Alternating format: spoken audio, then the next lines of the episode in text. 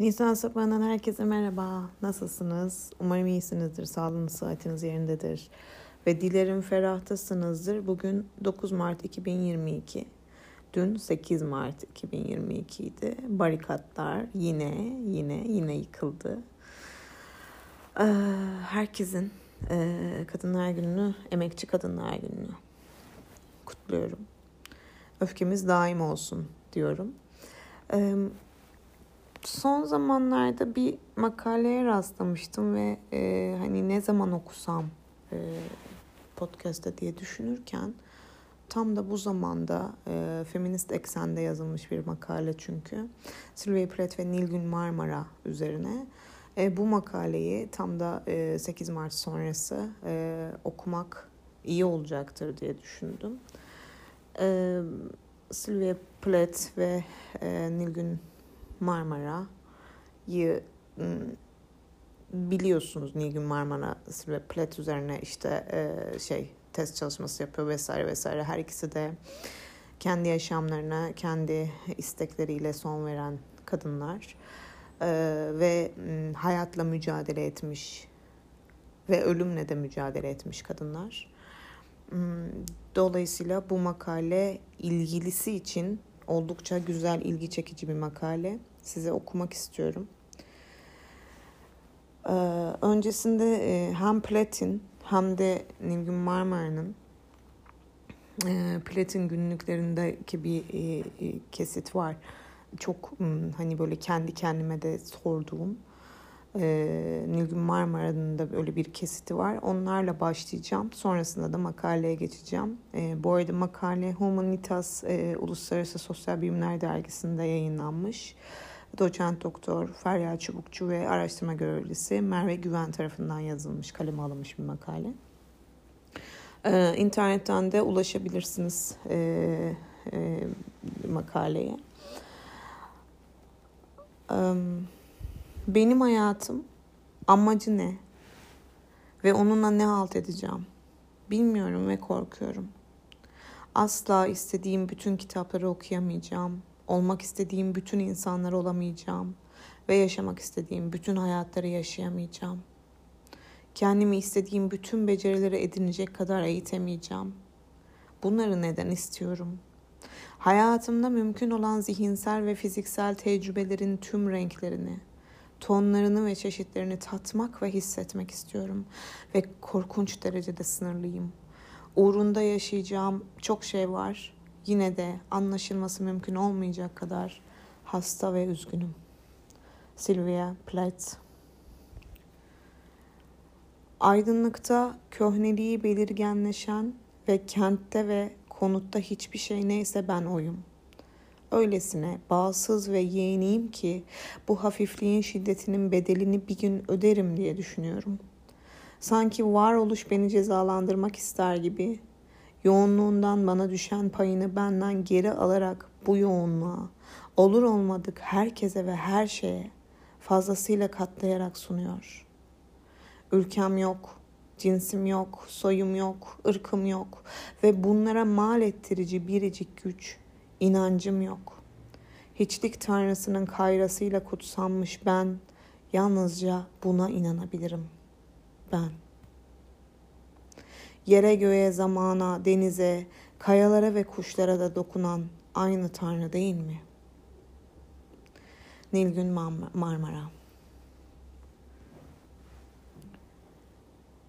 Makalenin başlığı Pastoral Çocuklar, Sylvia Plath ve Nilgün Marmara. 20. yüzyılda kadın ile ilgili felsefe, sosyoloji, psikoloji gibi alanlarda yaşanan önemli gelişmeler edebiyat alanına yansımıştır. Amerikan edebiyatını okuyup inceleyen Türk edebiyatçılar da onlar ile etkileşim içinde olmuştur. Bu çalışmada Amerikalı şair Sylvia Plath ve İngiliz Dili ve Edebiyatı bölümünü bitirme tezini Plath üzerine yapan Türk şair Nilgün Marmara'nın yapıtlarında cinsiyet ve kimlik sorununun önemli bir yeri vardır. Bu çalışmanın amacı Platt ile Nilgün Marmara arasındaki ilişkiyi şiirleri ve yaşam öyküleri açısından değerlendirmektir. Bu bağlamda Platt'in Daddy, Medusa, Lady Lazarus adlı şiirleri, Marmara'nın ise Mezar, Kan Atlası, Kuşum ve Ben adlı şiirleri sosyolojik ve psikoanalitik eleştiriden yararlanılarak çözümlenmiştir. Farklı kültürlerde yaşayan Marmara ve Platin arasında kişilik özellikleri bakımından çok fazla farklılıklar bulunmadığı gibi toplumsal cinsiyet ideolojisinin yarattığı ortak sorunlar ve yaşam öykülerinde benzerlikler de bulunmaktadır. İki şairin eserlerinde kan, baba, aile ve yokluk gibi birçok ortak imge ve tema saptanmıştır. Hem Platt hem de Marmara'da anneye karşı olan sevgi nefret tutumu, suçluluk hissi, bastırılmış, geriye atılan çocukluk duyguları, erkek kardeşe duyulan kıskançlık, ölen babanın idealleştirilmesi, annenin kızını idealleştirmesi, ruh ikizini araması, çatışan anne-kız ilişkisi, kafalarındaki kadın imajına bağlılık ve intihar, feminist eleştirinin dişil estetik önerisini doğrulamaktadır.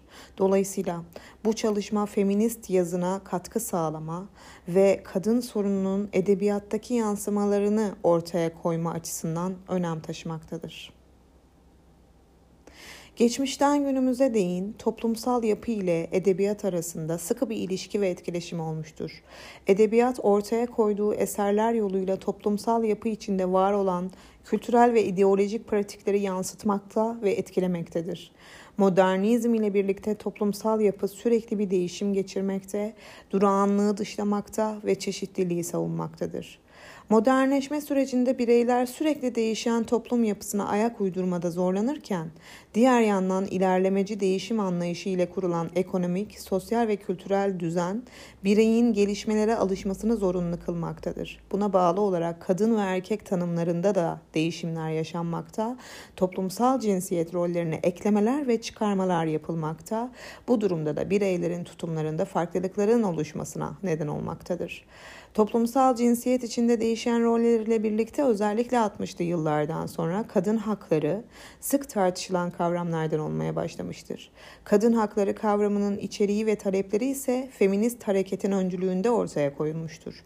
Genel anlamda feminizmi kadın erkek ayrımcılığına karşı çıkarak cinsler arasında eşitliği savunan bir görüş olarak tanımlayabiliriz.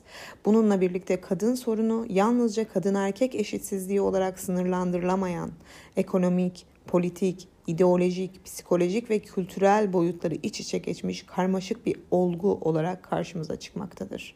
Tarihsel açıdan feminist hareket 1. Dünya Savaşı öncesiyle 1920 yılları arasında ilk dalga, 1960-70 yılları arasında ikinci dalga ve 1980-90 yılları arası üçüncü dalga olmak üzere üç döneme ayrılmaktadır. 1960'lı yıllarda başlayan ikinci dalga feminist hareket olarak anılan süreç özellikle 1986 sonrasında oldukça geniş bir kitleye yayılmıştır.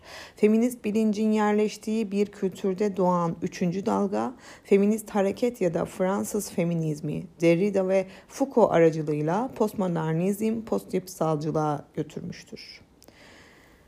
Üçüncü dalga hareket, sahte teori, çok kültürlülük, siyasi feminist eleştiri, eşcinsel teori, post-Marksist feminizm ve pozitif kadın kavramlarını ele almaktadır.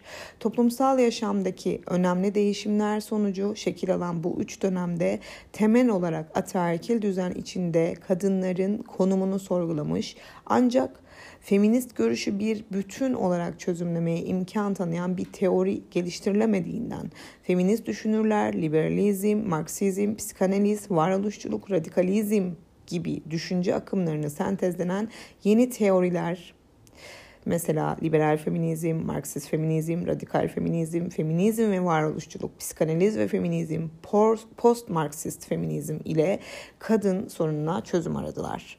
Feminist kuramcıların gerek toplumsal yaşam içinde gerekse edebiyat incelemeleri alanında ortaya koyduğu bu teorilerdeki ortak nitelik ise ataerkil düzende kadının sömürülmesine karşı duran tutumdur. Bununla birlikte feminist edebiyat eleştirisi 1960'larda Amerika'da, İngiltere'de, Fransa'da toplumsal ve siyasal bir savaşım olarak canlanan genel feminist hareketin edebiyat alanına kaydırılması sonucu ortaya çıktı. Moran feminist eleştiriyi öncelikle edebiyata kadın okurlar açısından yaklaştığı için okur merkezli kuramlar, işte duygusal etki kuramı, alımlama estetiği ya da kuramı kapsamında değerlendirirken feminist eleştirmenlerin iki ana yaklaşımları olduğunu ifade etmiştir. Bunlar okur olarak kadına yönelik eleştiri ve yazar olarak kadına yönelik eleştiridir.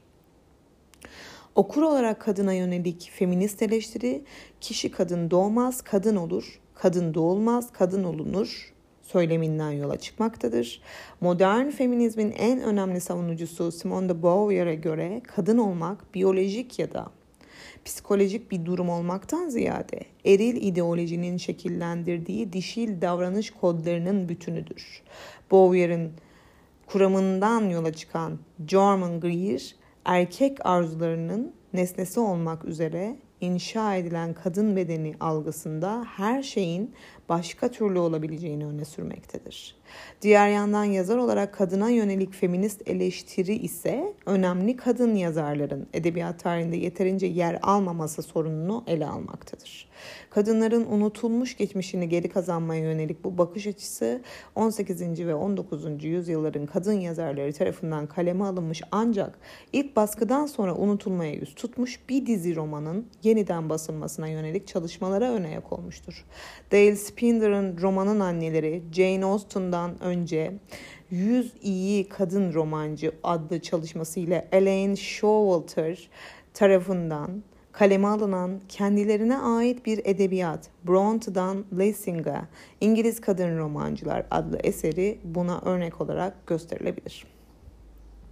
Kate Millett ise sosyal yaşamda kadın ezilişinin erkek romanlarına yansıdığını ve erkek romanlarında yaratılan klişe kadın tiplerinin kadın sömürüsünü pekiştirdiğini ifade eder.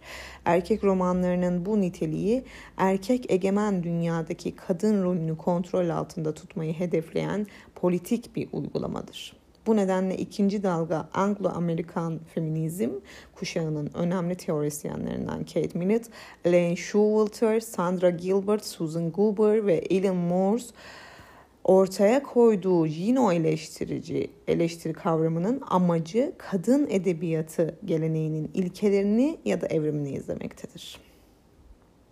Kadınlar toplumsal hayata karşılaştıkları baskılar nedeniyle dünyayı ve yaşamı erkeklerden farklı algılar. Bu farklılık onların zekaları ya da yetenekleriyle ilgili bir durum değil, politik ve kültürel bir olgudur. Kadınların toplum içinde uğradıkları haksızlıklar onların bir alt kültür yaratmasına neden olurken üst kültür olan edebiyat alanındaki yaratılarına seçtikleri konular, sergiledikleri davranışlar, savundukları değerler bağlamında etki eder. Dolayısıyla kadın eserleri arasında dişil imge, dişil değil ya da en azından benzerlik vardır. Bu çalışmada ele alınan iki kadın şair Sylvia Plath ve Nilgün Marmara arasında feminist edebiyat eleştirisi kuramı bağlamında bir değerlendirme yapılmıştır. Sylvia Plath ilk Amerikan feminist roman olan Sırça Faunus adlı eserin yazarıdır. Plath, hayranı olan Nilgün Marmara, Sylvia Plath'in şairliğinin intiharı bağlamında analizi adlı inceleme çalışmasında Sırça Faunus eserini giz dökümcü türün üç noktasında bir otobiyografik roman olarak tanımlamaktadır. Marmara, Marmara, ve, Marmara ve Plath'in genç yaşta intihar ederek ölmesi gibi benzerlik gösteren biyografik özellikleri, eserlerindeki öz biçimi ilişkisi, konu ve tema seçimleri, imge örüntüsü, şiirlerine yansıyan psikososyal özellikleri arasında karşılaştırma yapılmıştır. Sylvia Plath 27 Ekim 1932'de Boston'da doğan Sylvia Plath, Avusturyalı bir anne ile Alman bir babanın ilk çocuğuydu. Boston Üniversitesi Biyoloji bölümünde profesör olan Otto Platt, bal arıları üzerinde kitaplarıyla tanınan ünlü bir bilim adamıydı. Kendisinden 23 yaş küçük olan master öğrencisiyle evlenmiş, henüz kızı Sylvia 8 yaşına gelmeden 10 gün önce tedavi edilemeyen şeker hastalığına bağlı ayağının kesilmesi sonucu ortaya çıkan komplikasyon sebebiyle vefat etmiştir.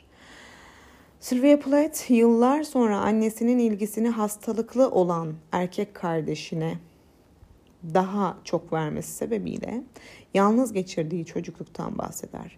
Galli poet Dylan Thomas'ı göremediği gerekçesiyle önce bacağında jiletle deneme yapmış sonra da Harvard Üniversitesi'ne kabul edilmediği için 1953 Ağustos'unda annesinin uyku haplarını alarak ilk intiharına kalkmıştı. Freud 1910'da kadın şairlerin ruhsal baskıyı daha çok hissettiklerini ve bilinçaltındakileri sesli dile getirerek dile getirecek kadar cesur olduklarını, bu yüzden intihara meyilli olduğunu söyler. Platin eşinden ayrıldıktan sonra gelen ikinci intihar ise başarılı olacak. Gaz ocağını sonuna kadar açarak pencereyi ve kapıyı kapatarak ölüme gidecektir. Platin şiirlerinde bu bireysel, kişisel ve kadın kimliği sorunlarıyla boğuştuğunu okuyucu hemen fark eder. Geriş intihar olgusunu incelerken intihara kalkışan veya edeni üç çerçevede inceler. Kültürel aile içi dinamikleri özellikle anne kız ve ruhsal tepkileri, ruhsal süreç. Platt burada intihar edenlerin ortak özelliklerinin hepsine sahiptir. Ruhsal süreç bağlamındaki aşağıdaki unsurlar ön plandadır. Anneye karşı olan sevgi, nefret tutumu, suçluluk hissi, bastırılmış geriye atılan çocukluk duyguları, erkek kardeşe duyulan kıskançlık, ölen babanın idealleştirilmesi, annenin kızını idealleştirmesi, ruh ikizini araması, çatışan anne kız ilişkisi, kafasındaki kadın imajına bağlılık ve intiharı kendi sahte kişiliğini yok eden bir unsur olarak görme. Ölümünden 4 ve 8 gün önce yazdığı son şiirleri olan Baba ve Medusa, Sylvia Plath'in anne ve babasıyla olan sorunlu ilişkisini yansıtmaktadır. Babasının Nazi, kendisini ise Yahudi'ye benzeterek Dachau, Auschwitz ve Belsen katliamlarını göndermelerde bulunarak Jofink, Ako, Goblidigo gibi çocuk nidaları kullanıp kendi çocuk ruhundaki savaşı durdurmaya çalışır. Daha ilk mısralarda kendisini siyah bir ayakkabı içindeki ayağa benzetip nefes alamadığını ve bu işin bitmesi gerektiğini belirtir. 8 dizede mermer kelimesi mezar taşını çağrıştırmakta ve God Tanrı kelimesi kullanılmaktadır. 9. mısrada ürkütücü bir heykel vardır ama bu tüm ABD'yi kapsamaktadır. 14. dizedeki recover kelimesinin pek çok anlamı vardır. Hastalığı yenmek, iyileştirmek ve tekrar kazanmak ve plet artık Almanca bir kelime ile babasına hitap etmektedir. Kendi diline ve ruhuna yabancılaşma burada barizdir. Bunun acı mı yoksa kızgın bir iç çekme olup olmadığı sonraki satırlarda belli olacaktır. 18. dizede savaş kelimesi 3 defa kullanılmıştır ve hamurun üzerinden adeta bir buldozer geçmiştir kendisinin hayatta mücadelesini üzerinden buldozer geçmiş bir savaşa benzetmektedir Platt. Seni gömdüklerinde 10 yaşındaydım. 20'sinde ölmeye çalıştım. Sana dönmek istedim, kavuşmak. Kemikler bunu yapar diye düşündüm. Bir sonraki dizeler ise Platt'i I do, I do evlilik yemini ettiğini söyler. Platt babasına benzeyen biriyle evlenmiştir. Sonraki mısralarında ise 7 yıllık esaretin bittiğini vurgular. Okuyucu o zaman bu baba şiiri mi yoksa ayrıldığı eşi Ted Hughes'a bir gönderme olup olmadığını görmeye, düşünmeye başlar. Bu kişi 7 yıl boyunca onun kanını emmiştir. Son satır ise artık bitirdim cümlesidir. Şiir bitmiştir ama babasını da eşini de öldürmüştür. Baba şiirinden dört gün sonra ise Medusa yazılır. Bu şiir annesine olan duygularını yansıtmaktadır. İçi gene kırık ve eziktir. Yunan mitolojisine gönderimlerde bulunan Plet, annesinin adı olan Aurle, Aurlia yerine onun Yunanca karşılığı olan Medusa'yı kullanmıştır. Aurlia, Aulita bu aynı zamanda bir çeşit deniz anasıdır annesinden uzaklaşmak istemektedir. Kırmızı plasenta ile aralarındaki yakın kan bağını hatırlamakta, hem annesine yakın olmak hem de bağımsızlığını kazanmak duyguları arasında gelip gitmektedir. Şiir boyunca Medusa vücut organları ile anlatılmaktadır. Ağız, gözler, baş, kordon bağı, plasenta gibi. Atlantik kablosu olmasına rağmen aralarında şair Medusa'dan yani annesinden kaçamamaktadır. Ortak şair arkadaşları Asya Wavell ile eşinin ihanetini yakaladığında annesi de evdedir ve bu Sylvia Plath'in öfkesini artırmıştır. Kendisinden daha ünlü bir şair olan eşi Ted Hughes, Plath'in ölümünden sonra Asya ile evlenecektir. Asya'nın sonu da Sylvia ile aynıdır. Ama tek farkla gaz ocağını açtığında yanında kızı da vardır. Sylvia Plath annesine düşkündür. Hatta 9 yaşındayken annesine asla evlenmeyeceğine dair yemin bile ettirir. Annesinin bu kadar kendilerine bağlı olmasından aşırı derecede hoşnutsuzdur. Erkek kardeşine yazdığı mektupta annemizin yaşantısını 20 yıl kadar emdikten sonra ona mutluluk parçaları getirmek bizim görevimiz diye yazar. Platin annesiyle olan bu çarpık ilişkisi ve duyguları aslında kendisine yönelik duyguları ile eşdeğerdir. Aslında başarılı bir baba, anne ve eş arasında kendisini boğulmuş hissetmekte, anlaşılamadığından dolayı ve kendisinden beklediği görevlerin artarak ona baskı yapmasından dolayı hayata karşı savaş benzetimleri kullanarak kendisini de ezilmiş ve yıkılmış olarak görmekte ve kaçış yolu bulamamaktadır. Uzun süre yazıştığı bir arkadaşı onu gördüğünde aman tanrım hiç spontan bir hareketi yok. Baştan sona maske takıyor diye şaşkınlığını dile getirmişti. Eşi de son 3 ay dışındaki, dışında sanki onun gerçek halini hiç görmedim demekten kendini alıkoyamamıştı. Taktığı ve kendisini sakladığı psikolojik ve sanatsal maskeler o kadar fazlaydı ki artık öfkesini ve hoşnutsuzluğunu kendisine yöneltmişti. The Bee Meeting şiirinin başında kolsuz yazlık elbisem içinde kendimi çok incinir görüyorum. Hiçbir korumam yok. Birisi beni sever mi? diyerek kendi kendine kırılganlığını göstermiştir. Platin bu durumu bazı yazar ve doktorlar tarafından şizofreni olarak tanımlanmıştır. Lady Lazarus onun bu ikilemini vurgulamakta, şair sonra da sizi korkutuyor muyum diye sormaktadır. Şiir yine yaptım ile başlamaktadır. I have done it again. Her 10 yılda bir Platin yaptığı şey intihardır. Kendini bir Yahudiye benzeterek karşısındakinden yüzündeki peçeteyi alıp çekmesini ister. Sonra da sizi korkutuyor muyum diye merak eder. Tıpkı dokuz canlı bir kedi gibidir ama her intiharından sonra fıstık yiyen kalabalık ona bakmaya gelmiştir.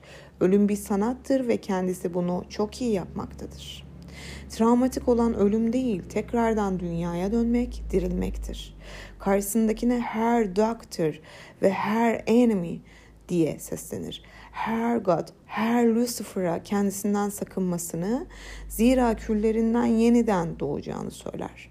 Feminist bakış açısıyla ataerkil toplumdaki kadın sanatçının otonomi, bağımsızlık için didinmesi, hem onun karanlık ve depresif duygularını ortaya çıkartır hem de ölüm ile bunun bitmeyeceğini ve kendisinin yaratıcı yeteneklerinin ölümle bile sona ermeyeceğini vurgular. Karşısındaki bir erkektir ama Platt onun Nazi doktoru, şeytan ve Tanrı ile özdeşleştirmekte, içinde bulunduğu ataerkil toplumun kendi üzerindeki etkisini vahşi ve yıkıcı ve depresif olarak betimlemektedir. O yüzden son satırda söylediği küllerimden kızıl saçlarımla yeniden doğuyor ve erkekleri yutuyorum tehdidine kimse inanmaz.'' Kızıl saçları kendisinin kızgınlığını ve dünyaya olan öfkesini gösterir. Fakat okuyucu şairin ne kadar güçsüz ve incinir olduğunu anlamıştır. Nilgün Marmara Nilgün Marmara Balkan göçmeni olan bir ailenin iki kızından biri olarak 13 Şubat 1958'de İstanbul Moda'da dünyaya geldi. Karl Marx'ın görüşlerini benimsemiş bir solcu olan babası Fikri Marmara muhasebe müdürüydü. Babası Bulgaristan'ın Plevne şehrinden, annesi ise çocukluk ve gençlik yıllarına dair büyük bir özlem duyduğu Vidin şehrinden İstanbul'a göç etmişti. Öğrenim hayatında başarılı bir öğrenci olan Nilgün Marmara ilkokul 5. sınıfta kolunu kırmasına rağmen tüm kolejlere giriş hakkı kazandı. Solaktı, sol kolunu kırmıştı. Marmara'nın iyi bir eğitim almasını isteyen ailesi onu önce Avusturya Lisesi'ne kayıt ettirdi. Fakat daha sonra maddi nedenlerle kaydını Kadıköy Maarif Koleji'ne aldı. Liseyi bitirene kadar bu okulda okuyan Marmara, üniversite eğitimine İstanbul Üniversitesi Türk Dili ve Edebiyatı bölümünde başladı. Ancak o dönemde İstanbul Üniversitesi'ndeki öğrenci profilinin hakim olduğu sağ görüş, özellikle babasının etkisiyle Marmara'nın sempati duyduğu sol görüş ile örtüşmemekteydi. Bununla birlikte Marmara hayatının hiçbir döneminde aktif bir siyasi hareketinin savunucusu olmamıştır. Üniversitedeki siyasal ve sosyal ortamından rahatsızlık duyan Marmara, ertesi yıl tekrar sınava girerek Boğaziçi Üniversitesi İngiliz Dili Edebiyatı bölümüne başladı. Burada üniversite öğreniminin yanında yaşam boyunca etkisi altında kaldığı Sylvia Plath üzerine incelemeler yapmaya başladı. Bu dönemde Türkiye'de yaşanan 1980 askeri darbesi Nilgün Marmara'nın edebiyat ile ilişkisine yeni bir boyut kazandırdı. Siyasal olaylar nedeniyle edebiyat çevresi genellikle ev partilerinde toplanır. Edebiyatla ilgili uzun sohbetler yapılırdı. Bu sohbetler sırasında Nilgün Marmara ünlü şair ve yazarlardan İlhan Berk, Fazıl Üstü Dağlarca, Cihat Burak, Turgut Uyar, Edip Cansever, Cemal Süreya ve genç kuşaktan Seyhan Erözçelik, Orhan Alkaya, Lale Müldür, Günseli İnal, Cezmi Ersöz, Turgay Özen, Mustafa Irgat gibi isimlerle dostluk kurdu. Ev partilerinin birinde tanıştığı Kaan Önal ile birlikte yaşamaya başladı. Evliliğe karşı olan Nilgün Marmara hem kendisinin hem de Kaan Önal'ın ailesinin ısrar nedeniyle 1982 yılında evlendi. Bir süre sonra Sylvia Plath'in şairliğinin intiharı bağlamında Analizi adlı lisans teziyle lisans eğitimini tamamladı. Mezun olduktan sonra iş hayatına atıldı. Marmaris'te bir tatil köyünde çalıştı. Farklı şirketlerde yönetici sekreterliği, metin yazarlığı gibi işler yaptı. Bebek'te Mısır konsolosluğunda çalıştı ancak Nilgün Marmara'nın tüm bu iş deneyimleri kısa sürdü ve yaşamının geri kalanında sadece şiir yazdı. Yalnızca yakın arkadaş çevresiyle paylaştığı şiirler, daktiloya çekilmiş şiirler, metinler, Kırmızı Kahverengi Defter adlı günlüğünden yapılan derleme ölümünden sonra kitaplaştırıldı. Nilgün Marmara'nın şiirleri özellikle konu anlamında varoluşçuluk akımından etkilenmiştir. Varoluşçu edebiyat metinlerinde sırtça rastlanan kendilik, içe dalış, iç neden, hiçlemek gibi özellikler Marmara'nın şiirlerinde açıkça izlenebilir. Ayrıca varoluşçu edebi metinlerinde karşılaştığımız sıkıntı, yalnızlık, bunalım, umut, umutsuzluk, yabancılaşma, rastlantı, iletişimsizlik, intihar gibi konuları işler. Ancak Marmara'nın özgün anlatımını varoluşçu bir edebiyat, olarak tanımlamak ve bu konuları seçmesinde nedeni yalnızca varoluşçuluk ilgisiyle sınırlandırmak eksik bir değerlendirme olacaktır. Marmara'nın seçtiği konuların temelinde onun manik depresif hastalığının ve toplumsal yaşamda kadın olarak karşılaştığı zorlukların etkisi yatsınamaz. Nitekim 13 Ekim 1987'de henüz 29 yaşındayken yaşama karşı ölüm diyerek evinin 5. katından atlayarak yaşamına son vermesi, geride bıraktığı günlüğü ve yaşamını yansıtan şiirleri bu etkileri ortaya koyar. Nilgün Marmara'nın şiirini daha iyi anlayabilmek için onun psikososyal özelliklerine değinmemiz gerekiyor.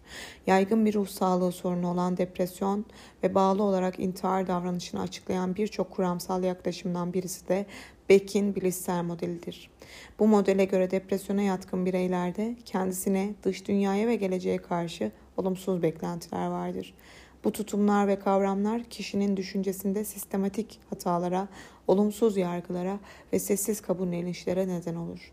İntihar düşüncesinin yoğunluğu ve şiddeti ise geleceğe yönelik umutsuzluk derecesiyle doğrudan ilişkilidir.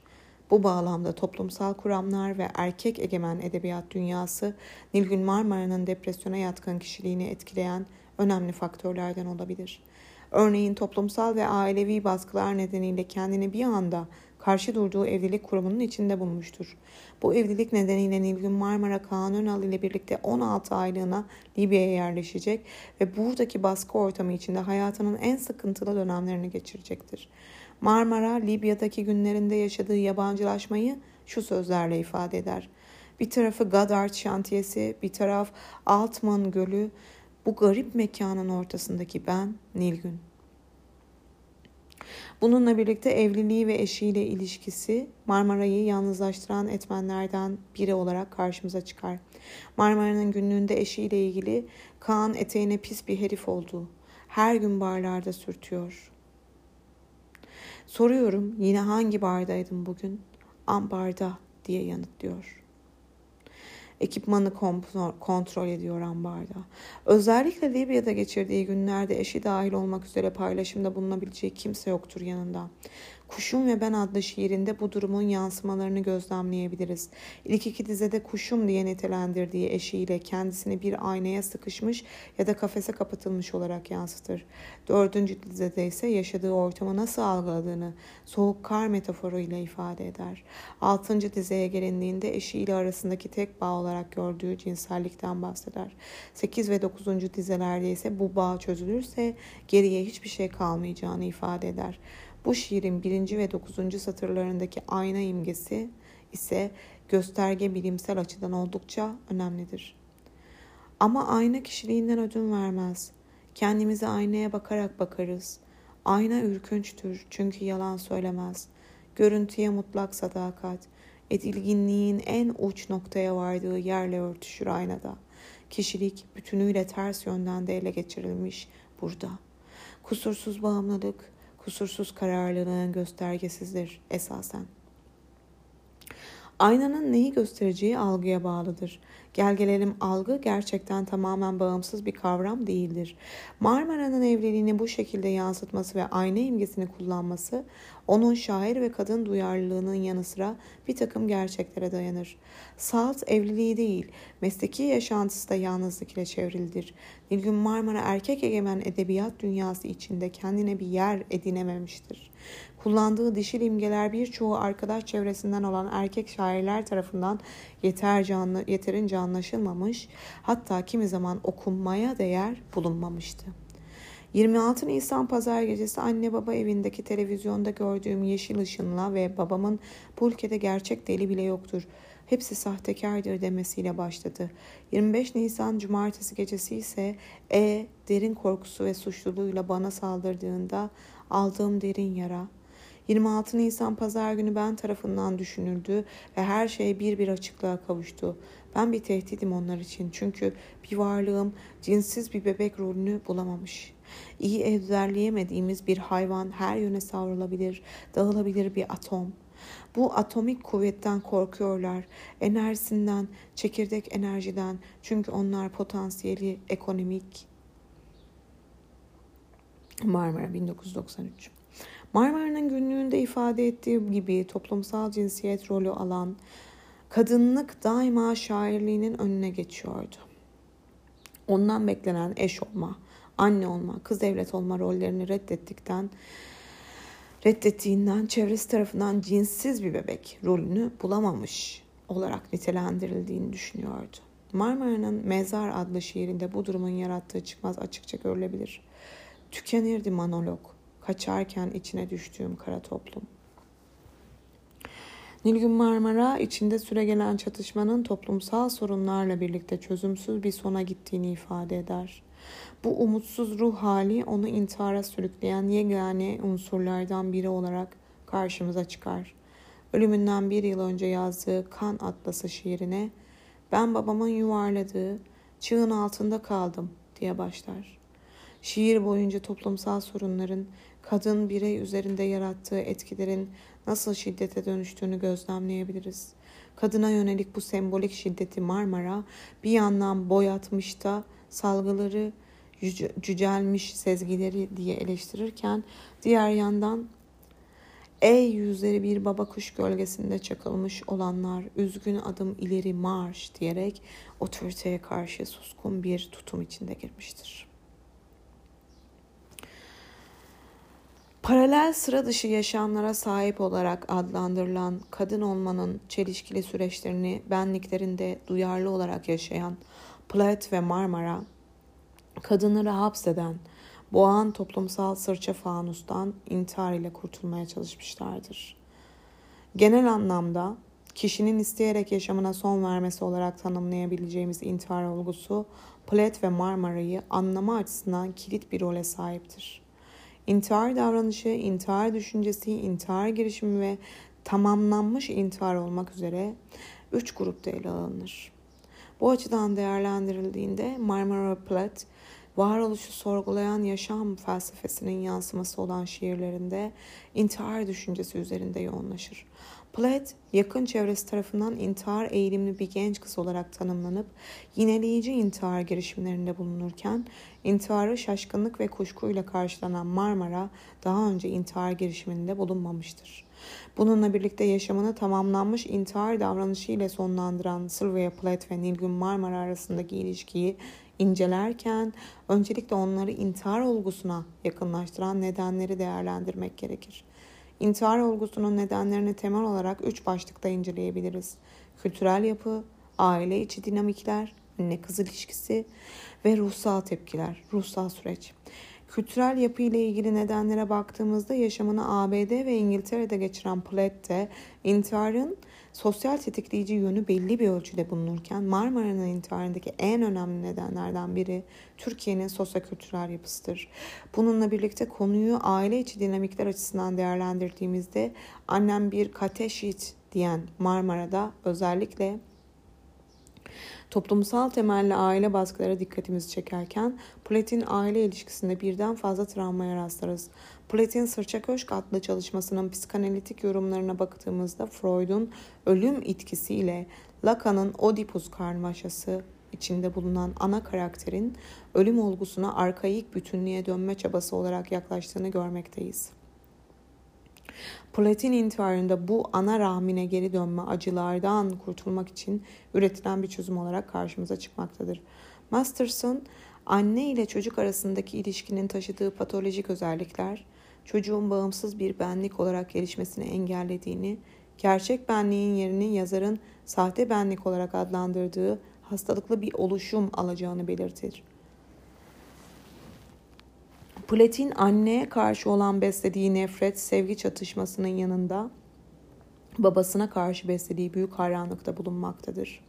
Babasına oldukça benzeyen eşiyle ilişkisi Platin ilerleyen dönemlerindeki ailevi yaşantısında yeni sorunlara neden olmuştur. Masterson'ın Üzerinde durduğu sahte benlik özellikle ölümüne yakın eşine karşı takındığı tavır olarak karşımıza çıkar. Polet intiharı sahte benlikten kurtulmanın bir yolu olarak görmektedir. Nilgün Marmara'da evliliğinde bir takım sorunlar yaşamaktadır.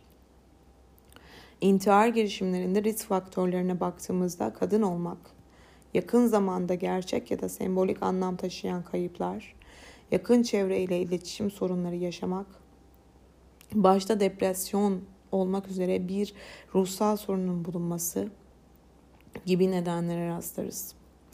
Marmara ve Platin yaşamında bu özelliklerinin yanında şair olmalarından kaynaklanan duygusal yoğunluk etmeni bulunur. Her iki şair de yaşamları boyunca manik depresif, özellikler gösterir.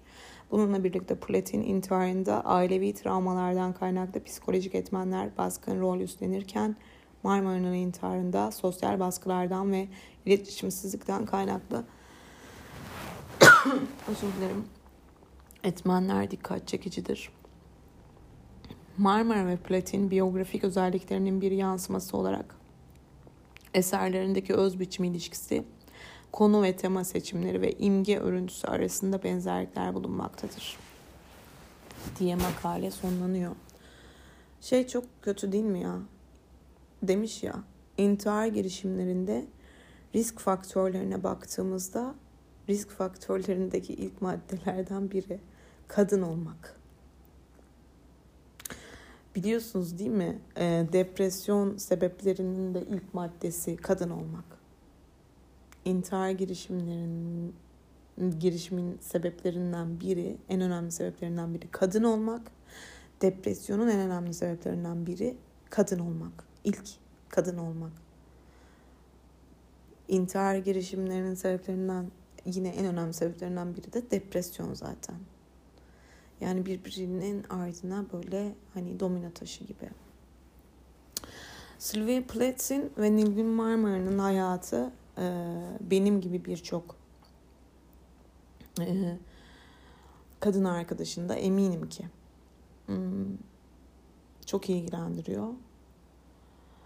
E, çok hmm, e, her ikisi de çok kıymetli yitik hayatlar, ölümü seçmiş hayatlar.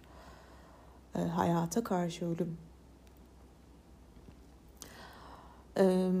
Nilgün Marmara Türkiye sosyokültürel baskısı daha çok. Tabii hepsinin içinde e, ataerkil sistem var, patriarka var. Her ikisi de evli. E, evliliğindeki erkeklerin o görünmeyen şiddeti var. 8 hmm, Mart sonrası böyle bir makaleye yer vermek istedim. Çünkü feminist edebiyat açısından bakıyor. Ee, sizlere okumak istedim. Ruhları her ikisinin de şad olsun. Kendinize çok iyi bakın. Daima merkezinizde kalın. Hoşçakalın.